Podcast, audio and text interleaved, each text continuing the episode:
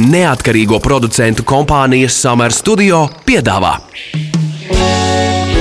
Ķepa uz sirds par viņiem, mūsu pašiem labākajiem draugiem. Raidījumu atbalsta Borisa un Ināras Teterevu fonds. Labdien, labdien! Esiet sveicināti, mīļie klausītāji! Mani sauc Inese Kreitsberga. Šeit arī Magnus Eriņš, un šajā nedēļā mūsu sarunu tēma Ines būs par suņiem un kaķiem senioriem. Jā, raidījuma ķepus sirds šīs nedēļas tēma tāda diezgan aktuāla. Tātad, nu par senioriem, kas īsnībā ir suns vai kaķis seniors. Kas mums ir jāzina par mīluli, kurš noveco, kas mums ir jāzina, ja gribam senioram dot mājas, un vai vecumam raksturīgajām kaitēm arī nenāk līdzi sajūta, ka Ines novecojam arī mēs paši. Tāds filozofisks jautājums, vai ne? Jā, par to arī diskutēsim šodien. Šeit Latvijas radio pirmajā kanālā mūsu viesi - veterinārā ārste Daiga Bokvalde. Sveiki! Labdien! Un kinoloģe Lena Valdmane. Labdien! Bet vispirms, pirms sāksim diskutēt, noklausīsimies mūsu sagatavoto sižetu. Ķepa uz sirds skaidro faktus. Tagad, pandēmijas laikā, gan pavasarī, gan ziemā, dzīvnieku patvērsmēs novērojama nepieredzēti liela interese par dzīvnieku adopciju. Psihoterapeite Solvita Vektere, kura pati ir saimniece sunim un kaķim senioram, uzskata, ka mājasēde, nošķirtība gan no tuviniekiem, gan sabiedrības dara savu. Savs mājas mīlulis ir dzīva radība, kas palīdz kliedēt vientulības sajūtu.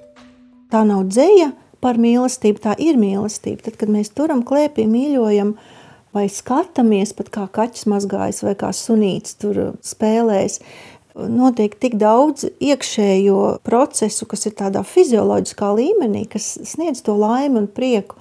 Man ātrā atbilde būtu, tas ir īsākais ceļš uz mīlestību pavisam mazus kucēnus jāadoptē cilvēkiem, kam dzīvē uznākusi melnā svītra.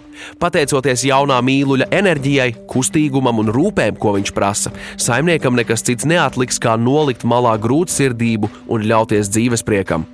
Savukārt suņus seniorus labi ņemt ir saimniekiem, kam ikdiena paiet kā vāveres ritenī. Turpina Solvita Vektere. Jo viņš ir ļoti mierīgs Un viņš neprasa papildus vēl uzmanību, tādu kā kucēns, kurš visu laiku skrien. Viņš nomierina. Viņš vienkārši ieritinās blakus, uzliek to purniņu vai ķepiņu, un tad tā atslāpst. Ja? Tas ir tāds, tāds nomierinošās zālīts. Protams, adoptējot suni senioru, vispirms ir jāuzdod sev jautājums, vai esi gatavs, kā lai arī piepildīts, bet atvēlētais kopā būšanas laiks visticamāk nebūs ilgs. Tie cilvēki, kas ir gatavi adaptēt seniorus, sunīti, kaķīti, kāmīti, vienalga. Ja? Nu, tā tad ir skaidri redzams, ka tam dzīvnieciņam ir jau mūžs šiet uz otru pusi vai pat uz beigām. Viņi lielā mērā, nu es tā filozofiski uz to skatos, ir gatavi ie, nu, iepazīt nāvi, ir gatavi satikties ar šo nāves jautājumu, novecošanas jautājumu, slimību jautājumu. Nu, tas, kas nāk līdzi vecumam un, protams, dzīves beigām. Dzīves norietā saimnieks sniedz senioram mīlestību un sunim tik ļoti nepieciešamo sajūtu, ka viņš kādam ir svarīgs un vajadzīgs. Vienlaikus cilvēkam jāspēj ar iekšēju mieru pieņemt dzīves dabisko ritmu. Atmiņā paliekošs Solvitas dzīvē ir gadījums, kad paziņu ģimenē uzticamais četrkājainais draugs bijis ļoti slims, un ārsts brīdinājis, ka mūža pēdējās dienas, diemžēl, ir klāta kolēģi atnāca ar to veco sunīti pie mums ciemos, un mēs vienkārši viņu glaudījām. Visi pēc kārtas nācām un glaudījām. Un tajā pēcpusdienā arī tas sunīts nomira. Un mēs visi bijām tik pateicīgi, un, un tie saimnieki arī, ka mēs varējām nu, tā atvadīties no viņa, un ka tas sunīts līdz pēdējiem brīdim nepalika viens un, un bēdīgs, jo viņam, viņš jau saprata, ka mēs jau bijām kontaktā ar viņu. Raidījumam ķepa uz sirds dzīvnieku patvērsmes labās mājas vadītāja Astrīda Kārkliņa pastāstīja, ka diemžēl ļoti mazs procents izvēlas adoptēt gados vecus dzīvnieciņus. Visbiežāk tie ir saimnieki, kuri paši ir pensijas vecumā un lūdz sev atrast četrkājainu draugu, kam patiktu līdzīgs dzīves ritms kā viņiem. Ļoti, ļoti mazs ir to cilvēku skaits, kuri patvērsmē vēršas ar lūgumu.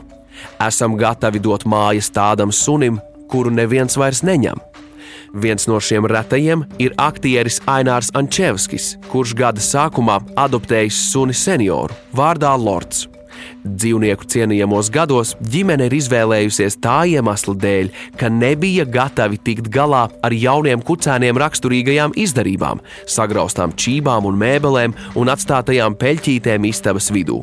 Lords ir inteliģents, nosvērts, un viņa klātbūtne mājās rada vēl lielāku mieru un harmoniju. Man ir tas prieks par to, ka no Lorda es varu mācīties to mieru, kas viņam ir. Viņš tiešām nu, ir, ir absolūts miermīgs. Iziet ārā, pastaigāties. Viņš arī pastaigā nu, tādu mazo līkumiņu, un viņš nāk uzreiz apakaļ un viss pačučētā. Nu, tad laikam varbūt tāpēc arī tāds seniors, jo tas miers uz doto mirkli ir ļoti, ļoti vajadzīgs miers, un šis sunīts to sniedz pilnā mērā. Turklāt Ainārs ir pārliecināts, ka astoņus gadus vecais lords dzīvos vēl ilgu mūžu, bet kaut kad nākotnē Aināra nākamais suns arī būs tieši seniors. Ķerpa uz sirds, diskutē. Nu, re, esam atpakaļ studijā un jautājums ekspertiem. Varbūt vispirms vetārstē Daiga saki lūdzu, vai tiešām par senioru kaķu un suni mēs varam uzskatīt uh, mīlulī, kurš ir sasniedzis vismaz astoņus gadus. Nu, viennozīmīgi kaķis astoņu gadu vecumā nebūs seniors. Viņš vēl ļoti labā formā ir un aktīvs. Un vispār kaķim patiesībā, ja jūs vecumu nezināt, viņu gandrīz nevar noteikt, jo, ja kaķis labi jūtās, viņam ir labi zobi, nav nekādi acīm redzami veselības problēmas, tad viņam faktiski nevar pateikt, vai viņam ir 8, 7 vai 12 gadi. Kaķim parasti mēs vecumu cenšamies noteikt, apskatot mutes dobumu, zobus, tad, ja ir ļoti slikti zobi, tad gandrīz automātiski pieņemam, ka kaķis ir vecs. Nu, bet, bet... Tagad, tagad viss mājās klausītājs nu, iespējas saviem kaķiem pētīs viņu zobus, kas mums tur ir jāierauga tajā mirklī, kad skatāmies. Skaisti, smuki, balti zobi bez aplikuma ar skaistām rozā smaganām. Un, ja jūs redzat, ka tās smaganas ir sarkanas un iekaisušas, un zobi tur tādi dīvaini, brūni, melni, viņu tā kā arī nemaz nav tad tur kaut kas nav kārtībā un jāiet pie vetārsta.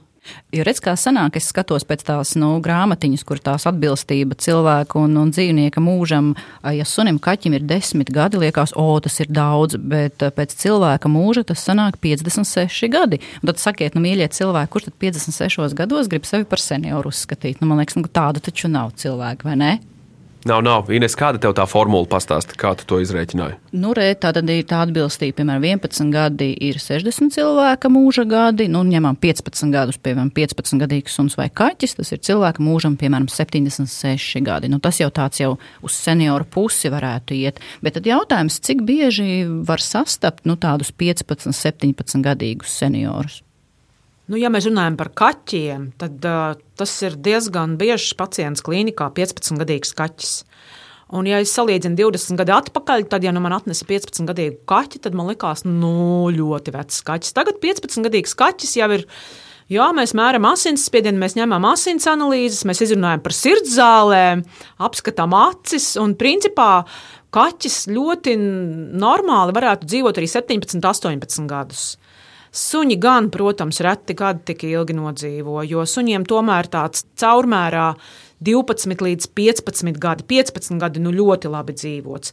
Protams, esmu redzējusi arī 18 gadīgus suņus, bet tas nu tiešām ir retums, un tā dzīves kvalitāte tad arī vairs nav nekāda labā. Sunim tāda laba dzīves kvalitāte ir līdz 12, 13 gadiem. Nu, un tad pēc tam jau nu, tas ir tāds riktīgs seniors. Ļena, jautājums tev kā kinologam, tomēr sižetā redz dzirdējām, ka psihoterapeits Solvita Vektere norādīja, ka seniors izvēlas neapzināti tie cilvēki, kas vēlas dzīvē harmoniju, bet jaunu dzīvnieku tie, kas meklē vairāk enerģiju. Vai tā varētu būt, ka cilvēki zemapziņā meklē tādu mieru un tādu rāmumu izvēloties šo senioru? Tā varētu būt, jā, jo seniors, suns seniors jau arī prasa tādu mierīgāku vidi, uh, lai saimnieki biežāk ir mājās, lai pastaigas ir lēnas, rāmas. Jā, lai tā vide nav ļoti aktīva, kā, kas varbūt radīs diskomfortu senioram. Tā kā, jā, tur varētu piekrist, jā, ka tā arī ir. Par ko vajadzētu domāt tiem cilvēkiem, kuri grasās adoptēt senioru mājdzīvnieku no dzīvnieku patvērsmes? Kas viņiem jāņem vērā? Pirmais jau ir jāsaprot, vai tiešām vēlās suni, un vai tiešām vēlās suni senioru. Jo ir jāsaprot, ka, lai arī tas suns būs jau ar tādu redzamu, paredzamu temperamentu, uzvedību, kaut kādiem stabiliem jau ieradumiem. Varbūt nedarīs tik daudz blēņas, kā to darīt, piemēram, kucēns, ja kurpes nebūs visticamāk sagraustas, bet tāpat laikā var būt, piemēram, ilgāks adaptācijas periods, ilgāks pierašanas periods senioram. Vēl varētu būt arī kaut kādas nu, veselības problēmas, kas nāks līdz ar vecumu, tas arī jāņem vērā un jāieplāno resursi tam. Kā jau dzirdējām, arī sižetā pirms mirkļa aktieris Ančevskis atzīst, ka liels pluss senioram, ka dzīvniekam jau ir izveidojušies savi paradumi, ieradumi, un peļķītes viņš pats nu netaisīs. Nebūs tev jāiet un jātīra aiz viņa. Tā arī ir. Nenoteikti, ka būs jātīra kaut, kad, kaut kas loģiski, vai ne? Bet tā arī ir tāda laba, manuprāt, laba lieta, kas var palīdzēt cilvēkam izdarīt to gala lēmumu par labu dzīvniekam senioram no, no patvērsmes. Jā, te varētu minēt, ka suns seniors, viņš jau ir var teikt, gatavs suns kompanions. Bieži vien jā, viņš ir jau zina kaut kādu rutīnu, pieredzi pie rutīnas, zina, kas ir pastaigas, kas ir nokārtošanās ārā. Tā kā principā, jā, paņemot suni senioru, jūs uzreiz iegūstat suni kompanionu. Bet ar ko tomēr jārēķinās? Varbūt arī jautājums Daigai, ja, ja kā jāpārkārto sadzīve, nu varbūt no tāda veselības eh, viedokļa, kā mainās kustības varbūt šim sunim vai kaķim, kurš noveco, kas jāzina saimniekam, varbūt tādu fizisko slodzi nevar prasīt vairāk no suņa. Kopumā, vispār, ja mēs runājam par izdevumiem, tad es teiktu, tā, ka visvairāk izdevumu ir pirmajā pusotrā dzīves gadā, un pēc tam, tad, kad sāk novecot. Jo tur pa vidu tā veselība ir diezgan stabila gan kaķiem, gan suņiem. Tā kā teikt, ka izdevumi ir tikai ar veciem suņiem, tā varbūt tomēr nebūtu taisnība. Arī ar jaunu suni var diezgan daudz iztērēties. Ir visādas iedzimtas slimības, ir tieksme apēst svešķermeņus, traumēties. Bet eh, tas, ko es savā praksē ievēroju, es tomēr neieteiktu ņemt suņus smagākus par 10 kg augstāk par otro stāvu. Vispār nekad un nekādos variantos. Jo pat ja jūs paņemiet kucēnu un jūs dzīvojat 4. stāvā, un pat ja jums ir lifts, tas lifts taču arī salūst, un tas suns kaut kad paliks vecs. Un tad ir tā, ka sunim ir desmit gadu, ir salūzis lifts, un viņš nevar trīs reizes dienā arī no ceturtā stāva iziet ārā. Līdz ar to, tad, kad mēs ņemam suņus, nu, īpaši, protams, vecus suņus, mums tomēr ir jāsaprot, ka suns nav radīts kāpšanai pa trepēm un augstāk pa otro stāvu, trīs reizes, pat divreiz dienā, viņam būs grūti kāpt. Un kaut kā cilvēki to nesaprot. Viņi ņem labradoru, kuram ir 40 kg, 5. stāvā. Un tad, kad viņam ir 8 gadi, jā, viņš nevar uzkāpt pa šīm trepēm, un neviens viņu arī nevar uznest. Līdz ar to kopumā es teiktu, ka nevajag ņemt augstajos stāvos lielos suņus. Un, protams, ka šiem vecajiem sunīšiem, nu, viņam tomēr vajag varbūt reizi pusgadā aiziet pie doktora un izrunāt, varbūt locītavu piedevs, varbūt sirds vitamīni. Bet, nu, ticiet man, tas gandarījums, kad jūs esat paņēmuši šo veco suni un adaptējuši, viņš ir, nu, man liekas, ka divreiz lielāks kā par kucēnu. Jo kucēnus ir gatavi ņemt visi, bet tos seniorus ne visiem pietiek drosmes adoptēt. Un tā kā es pati savā dzīvē izgāju šim periodam cauri, ka es ļāvu savā mājā dzīvot sunim, kurš bija jau gandrīz astoņus gadus vecs, un arī ar šo domu, kā viņš iedzīvosies, kā būs. Nu, mēneša laikā viņš man iedzīvojās tā, ka man tagad liekas, ka uh, tas adoptētais suns ir vairāk mans suns kā manas pašas īstais suns. Tā kā, nu, tie stāsti, jo suns jau arī viņš grib saimnieku, viņš grib mājas, viņš ir gatavs pielāgoties, viņš ir gatavs novērtēt šo iespēju. Un izdevumi, nu, izdevumi tā kā tā, ja jūs ņemat dzīvnieku, veterinārija paliek tikai dārgāka. Lena, vai tu vari mums ieskicēt, tavuprāt, kā suns jūtas novecojot? Nu, tad, kad saprot, ka nevar vairs tik ātri paskriet vai tik daudz paskrēdīt apkārt, vai ir kaut kādi indikātori, kas spēj parādīt tās viņa iekšējās sajūtas? Viss ir atkarīgs arī ļoti no suņa, individuāli, no ģenētikas, iedzimtības, suņa turēšanas apstākļiem, no barošanas, no kopšanas. Un tad mēs skatāmies, jā, kā, kas tad notiek. Viens suņi noveco ātrāk, citi lēnāk, bet kas arī ir pierādīts līdzīgi arī kā cilvēkiem, arī suņiem novecojot, nu, mainās gan izzināšanas prasmes, kognitīvās prasmes, kaut kādas vēlmes, procesi palēninās un Ir arī nesen bijis tāds pētījums, ka līdzīgi kā cilvēki gados, arī suņi gados viņiem ir tieksme dzirdēt tikai to, ko viņi grib dzirdēt. Nu, tā kā bieži saimnieks sūdzās, ka suns seniors, ka viņš man vairs nedzird, un te viņi domā, ka viņam ir ar dzirdi problēmas, bet, ka, piemēram, nočaukstina tur kaut kādu cepumu paciņu vai, vai paņem barības bļodi, tad suns seniors ir klāt. Tas nozīmē, ka viņš izvēlās, ko viņš grib dzirdēt un ko viņš negrib dzirdēt. Bet kā, piemēram, nu, ja tas suns vairs nespēja tik ātri paskriet, kā agrāk viņš spēja. Kāds varētu būt kinologa novērojums, vai suns mēģina pārvarēt, kā pierādīt, ka viņš var, ja viņš nu, saprot, ja nevar, tad nevar. Ir um, suņi tiešām ļoti cenšas un vēlas izdabāt saviem saimniekiem. Īpaši to var labi pamanīt, kad ir mazie sunīši, piemēram, špici.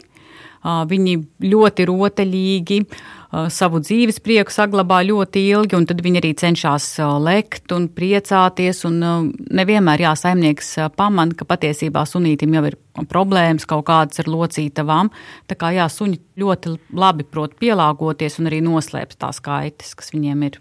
Atgādinām varbūt vēl klausītājiem, ka ķepus ir skatām arī Latvijas televīzijas pirmajā kanālā sestdienās un svētdienās. Tātad raidījums ķepus sirds, un mēs arī kā radio raidījums tiekamies piekdienās. Un mums tāda ideja nāca prātā, ka mēs varētu atrast vecāko suni vai kaķi Latvijā. Nu, re, un mums uh, informācija par šo uz info.ķepa uz sirds.lv. rakstiet. Jā, mēs gribētu noskaidrot, vai tas jaunības eliksīrs ir labie gēni, svaigas gaiss vai veselīga pārtika, jeb tomēr noteicošā ir saimnieka mīlestība. Tātad konkursam var pieteikt suni, kurš sasniedzis vismaz 15 gadu vecumu, bet nu par kaķi, cik mēs tad izdomājām? Lai ir 20. 20 gadīgs kaķis, jā, atradīsim, jo mēs paši filmējām pagājušā gada rudenī balts kaķis Berta. Viņa sasniegus 20 gadus, tā kā mēģinam atrast vismaz 20 gadīgu kaķi Latvijā un parādīsim to arī citiem. Tu pazīsti kādu īpašu dzīvnieku draugu? Tavs kaimiņš vai kolēģis palīdz nelaimē nonākušiem suņiem un kaķiem? Varbūt kāds suns vai kaķis izmainīs tavu pašu dzīvi. Raksti mums, un mēs pastāstīsim šo sirsnīgo stāstu pārējiem klausītājiem. Iedrošināsim arī citus izdarīt kādu labu darbu. Gaidām jūsu vēstuli uz info atķepa uz sirds LV. Esam atpakaļ studijā un turpinām par suņiem un kaķiem senioriem. Bet jautājums uzreiz, Lēna, kādus tādas praktiskas lietas vajadzētu cilvēkiem iegādāties, ja nu, tomēr tas dzīvnieks seniors ir un, un lai atvieglotu viņa ikdienas soli? Nu, dzīvniekam, senioram, sunim, senioram. Vajadzētu arī tādu mīkstāku, komfortablāku gultiņu iegādāties vai ierīkot gultas vietu. Vajadzētu arī kāpnītes no dīvāna, lai suns nelec bet pa tām kāpnītēm iet. Tas attiecās arī uz mašīnu.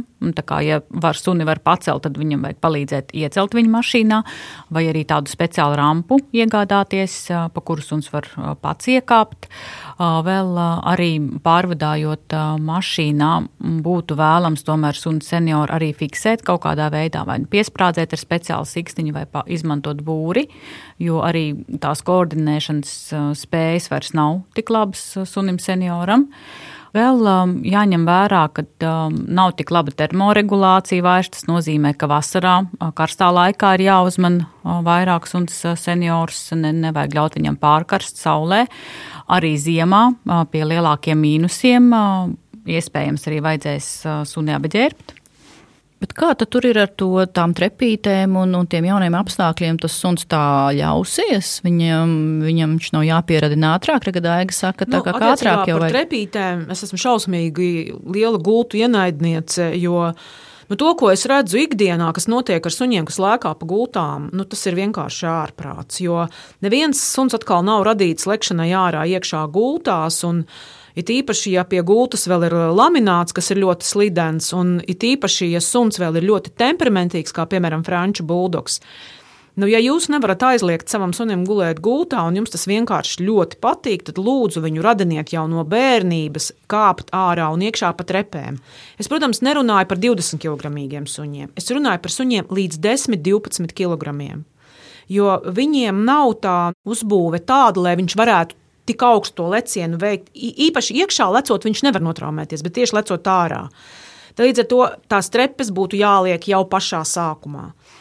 Tad, kad suns paliek vecāks, tad vispār es ieteiktu, ja jums ir suns, jums tomēr bišķiņi ir jāmāk minūtes desmit uz priekšu domāt. Ja, lai, nu, jo suns nevar izvērtēt, kas ir labs, kas ir slikts, kur ir ledus, kur var ielūst, kur ir tumsa. Ka mēs esam aizbraukuši staigāt kaut kādā svešā vietā un pēkšņi viņš apmulst un neorientējās. Nu, saimniekam tomēr ir mazliet jādomā jālasa, jābūt informētam, un nevis pēc tam jāsaka, nu, kā tad tā viņš nesaprata, ka tur ir bīstami. Un, jo suns paliek vecāks, jo viņam grūtāk šo bīstamību izvērtēt, jo viņam šīs maņas tiešām zūd, viņam nav vairs tik laba redzes, piemēram, krēslā viņi ļoti slikti sāk redzēt. Jā, viņi dzird, bet viņi tiešām sliktāk dzird, viņš nogurst ātrāk. Tā kā kopumā, vispār, ja jūs to sunu esat iegādājušies, nu, bišķiņi ir arī tā sava izglītība jāceļ par tām suņu problēmām, kādas kurai šķirnei ir. Protams, ja jums ir sambernārs, tur būs savādāk novecošana, ja jums ir Yorkshire terjers, nu, tā novecošana kardināli atšķirsies. Laikam trakākais ir tas, ka mīlestības paliek nu, vājredzīgs un vājdzirdīgs. Kādi tad ir iespējamie risinājumi? Viņu var atstāt vienu pašu vairāk, vai tieši jāņem līdzi, vai jāpērk tā saucamās sētiņas, kurā norobežo dzīvnieku? Nu, Vai vispār ko... saimnieki ir gatavi tam, ka tas dzīvnieks vairs īsti neredz un nedzird? Nu, parasti tas jau nav strauji process. Tas tomēr notiek ļoti, ļoti pakāpeniski. Un man vienmēr ir jāsmējās par tiem saimniekiem, kuri atnāk ar pirmo suni un saka, es gribu, lai mans suns dzīvo 20 gadus, vai es gribu, lai mans suns dzīvo 18 gadus. Un tad es viņam prasu, nu, jūs vispār apzināties, ko nozīmē 18 gadīgs suns. Jo tiešām pienāk tas brīdis tiem ilgdzīvotājiem, kad jūs jau esat viņa personālais asistents. Jo tā čūra tur iztek tur, kur nevajag, un kaka izbirst tur, kur nevajag. Un, un vairāk nekas neinteresē, kā tikai gulēšana, ēšana. Ja, tas jau nu, tiešām tiem liela vecuma suņiem tas diezgan sarežģīts periods. Tas, protams, nav seniors 8 un 9 gados, tas ir seniors 15 gados. Un ar to visu ir jārēķinās, bet suns pats jau to neizjūt, jo tas viņam notiek tā palēnām, palēnām, palēnām, un viņš tā kā pierod pie tās situācijas. Kādreiz saimniekam nu, ir smagāk, bet, nu, protams, tas ir atkal brīnišķīgi, ka jūsu suns ir sasniedzis tādu vecumu, viņš joprojām ir dzīves. Protams, nav vienkāršs laiks, tas saimniekam, sunim vienkāršāk, es teiktu. Ļena, jautājums tev par veciem suņiem vai, vai, vai kaķiem saistībā ar iešanu mežā un nomiršanu. Tas, tas ir vecs mīts, kas neatbilst patiesībai, vai ne? Jo tas taču ļoti bieži dzirdēts savā bērnībā. Es esmu dzirdējis, ja pazūd. Ļoti labi runāti. jo mēs, teiksim, savā bērnībā esmu dzirdējis daudzi runā to, jā, kad suns vai kaķis meklē vietiņu, kur nomirt. Mm -hmm. un, viņš tiešām meklē. Un, un viņš meklē, meklē un aiziet. Mm -hmm. jā, bet, nu, Kaķiem to var ļoti redzēt. Suņiem to tik viegli nevar redzēt, bet kaķi ļoti meklē. Re, mums ir dažādi, dažādi viedokļi, lūdzu, par tiem. Nu, es teiktu, ka tas ir daļēji mīts, jo mm, vienkārši jāsaprot, ka sunim novecojot arī pasliktinās gan redzes, dzirde, maņu orgāni, orientēšanās prasmes, un līdz ar to bieži tas dzīvnieks vienkārši noklīst, viņš pazūd arī tur, kur viņš ir iepriekš gājis, viņš var tiešām vienkārši pazust un neatrast vairs to ceļu māju. Tā kā tas ir viens no iemesliem. Nevis tas, ka viņš ir aizgājis speciāli, lai tur nomirtu tajā mežā, bet vienkārši viņš ir aizgājis un noklīdis un nav spējis atnākt atpakaļ. Un, diemžēl kaut kas briesmīgs ar to sunu ir atgadījies. Daiga zina citu pieredzi. Es teikšu tā, ka kaķiem viens no tādiem jautājumiem, kad man atnes smagi slimu kaķi, es parasti jautāju, vai viņš slēpjas. Un tas, kā kaķis slēpjas, tas nozīmē, ka viņš sāk līst vietās, kur viņš agrāk nav līdis. Nu, piemēram, kaut kur zem mēteļiem, drēbju skapī, vai kaut kur zem vannas, vai vēl kaut kādās vietās. Viņš apzināti meklē kaut kādu piekto stūri istabā, kurā ielīst, jo, ja kaķim ir ļoti slikti, tad viņš slēpjas. Un, ja viņam ir nu, slikti, un vēl viņš slēpjas, tad es saprotu, ka tā lieta ir ļoti, ļoti nopietna. Bet viņš jau neslēpjas, lai nomirtu. Viņš vienkārši slēpjas, viņam ir slikti. Nu, slikti. Saproti, bet tad, tad kaķim, ja ir ļoti, ļoti slikti, viņš slēpjas. Un principā viņš iet prom no cilvēka. Viņš nenāk klāt un nespiežās jums pie kājas un nesaka, nesman uz veterināro klīniku. Viņš pazūd, tas kaķis. Un kādreiz ir tā, ka tie saimnieki tik otrā, trešā dienā atjēdzās, ka viņi pēkšņi man, ka tas kaķis vairs tā kā nav, un tad viņu atrod jau, ka viņam ir ļoti slikti zināmā mērā no šī arī radās šī frāze, ka viņš kaut kur iet. Nu, viņš nekur neiet, viņš vienkārši meklē kaut kādu vietu, kur viņu neviens vairs netraucē, un šī vieta nav tāda. Un, ja tā ir privāta māja meža vidū, es pieņemu, ka viņš varbūt iet kaut kur prom no tās mājas. Attiecībā par suņiem man arī ir cilvēki kaut ko līdzīgu teikuši, bet tas nav tik uzkrītoši. Bet kaķiem tas ir ļoti, ļoti Ja jūs jūtat, ka jūsu kaķi kaut kas nav kārtībā un viņš ir sācis līst nesaprotamās vietās, gulēt ar steigu, nesiet pie ārsta, tas ir nu, nopietna sūdzība. Tā ir. Bet es esmu dzirdējusi arī tādus nu, konstatējumus, ka kaķi uz vecumdienām paliek izcili runīgi, runīgāki, skaļāki. Jā. Ko Jā. tas nozīmē? Kaķiem ir tā saucamā vecuma lokalizācija, kad viņi vienkārši diezgan skaļi un uzstājīgi ņaud, un tas neliecina ne par kroniskām sāpēm, ne par to, ka viņi grib ēst, bet vienkārši viņu galvas smadzenēs tā vilmaiņa tā kā bišķiņa ir pamainījusies, un tas ir tas veids, kā viņš kā izpaužās. Un lielākoties ar to ir dikti grūti cīnīties, jo, ja, ja es neatrodu kādu nopietnu veselības problēmu, kuru risināt, nu, piemēram, atnāk kaķis un saimnieks saka, nu, ka viņš sācis diezgan neglīti. Skaļi ņaudēt, nu, bļaut, teiksim. Ja? Un es uztaisu visas asins analīzes, nieres ir vietā, vairogdziedzers ir kārtībā, kaķis izskatās labi. Es saku, nu, es atvainojos, nu, diemžēl. Tā nu tas ir tas vecums, kaut kāda neliela demence taisa smadzenēs rodās. Un tad viņš šādi te klaigā. Un to es pat esmu arī uz saviem kaķiem novērojis. Tur diezgan grūti cīnīties, un tas diezgan cilvēkiem nepatīk.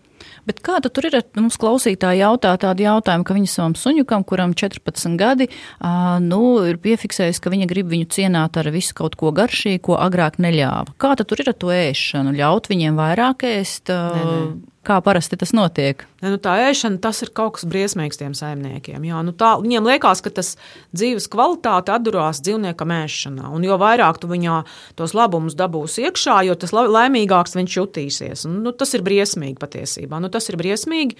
Un ar senioru tas ir dubult briesmīgi, jo no, nojaukt viņu vilmaiņu ir divreiz vienkāršāk un dabūt kaut kādu nopietnu aizkuņu dziedzeru iekaisumu vai zarnu iekaisumu vai, vai cukuru diabētu no hronisku ogļhidrātu pārmērīgas došanas. Nu, nē, tas, tas ir pilnīgs neprāts. Tas ir pilnīgs neprāts ar šiem gardumiem. Lena, vai jauns suns vai kaķis ģimenē var palīdzēt senioram saņemties? Jo tā taču arī bieži runā. Ja?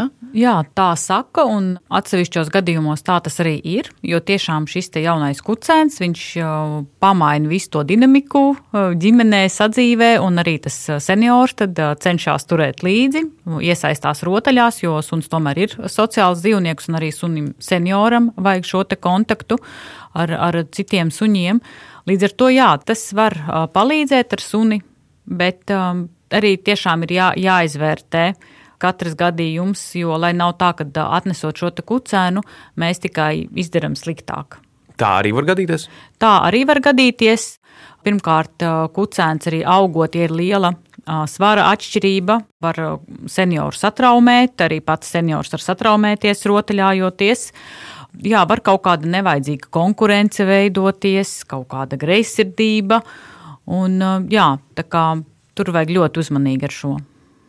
Ja saimnieki domā ar um, to, ka ienāks kucēns ģimenē, ja viņi vēlās atgriezt senioram kaut kādu jaunību, nedaudz to dzirksteli, tad uh, varbūt jāpadomā par to, ka vairāk tieši ar šo senioru darboties. Nevis paņemt jaunu suni, bet uh, tiešām veltīt laiku un uzmanību arī senioram, jo arī suns seniors ļoti labi ir apmācāms, viņš var iemācīties arī kaut kādu jaunu triku uz vecumdienām, un tas, ka saimnieks ar viņu darbosies, tas tiešām to senioru ļoti, ļoti labi iekustinās un atgriezīs viņam arī šo dzīves prieku.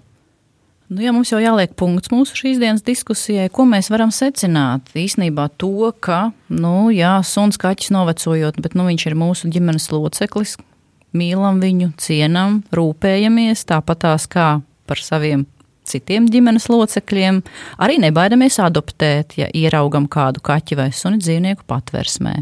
Man izkristalizējās viens vārds, caurvījās vismaz manā galvā visu šī raidījuma laikā. Tā ir atbildība. Atbildība pret savu mājdzīvnieku ir jāuzņemas mums no pirmās dienas līdz tai pēdējai dienai.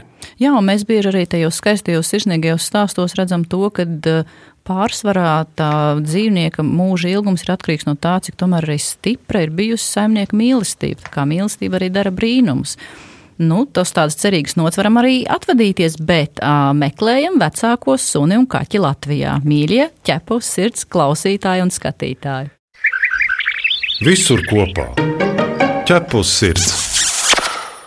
Ir pienākušas raidījuma beigas, Ines, un mums ir jānoskaidro, ko tad klausīsimies nākamreiz. Jā, nu nākamā raidījuma tēma mums būs par alerģiju no suņiem un kaķiem, un vai šo alerģiju var izārstēt. Antialerģiskas kaķu un suņu šķirnes tas ir mīts, vai tā tomēr ir patiesība? Un vai ar alerģiju var un vajag sadzīvot, ja ģimenē jau ir mājdzīvnieks? Tiekamies jau nākamnedēļ! Mani sauc Inese Kreitsberga. Mani sauc Magnus Eriņš. Raidījumu veidoja neatkarīgo producentu kompānija Summer Studio. Visu labu! Atā! Ķepa uz sirds! Informatīvi izglītojoši raidījums par dzīvnieku pasauli un cilvēkiem tajā. Raidījumu atbalsta Borisa un Ināras Teterevu fonds.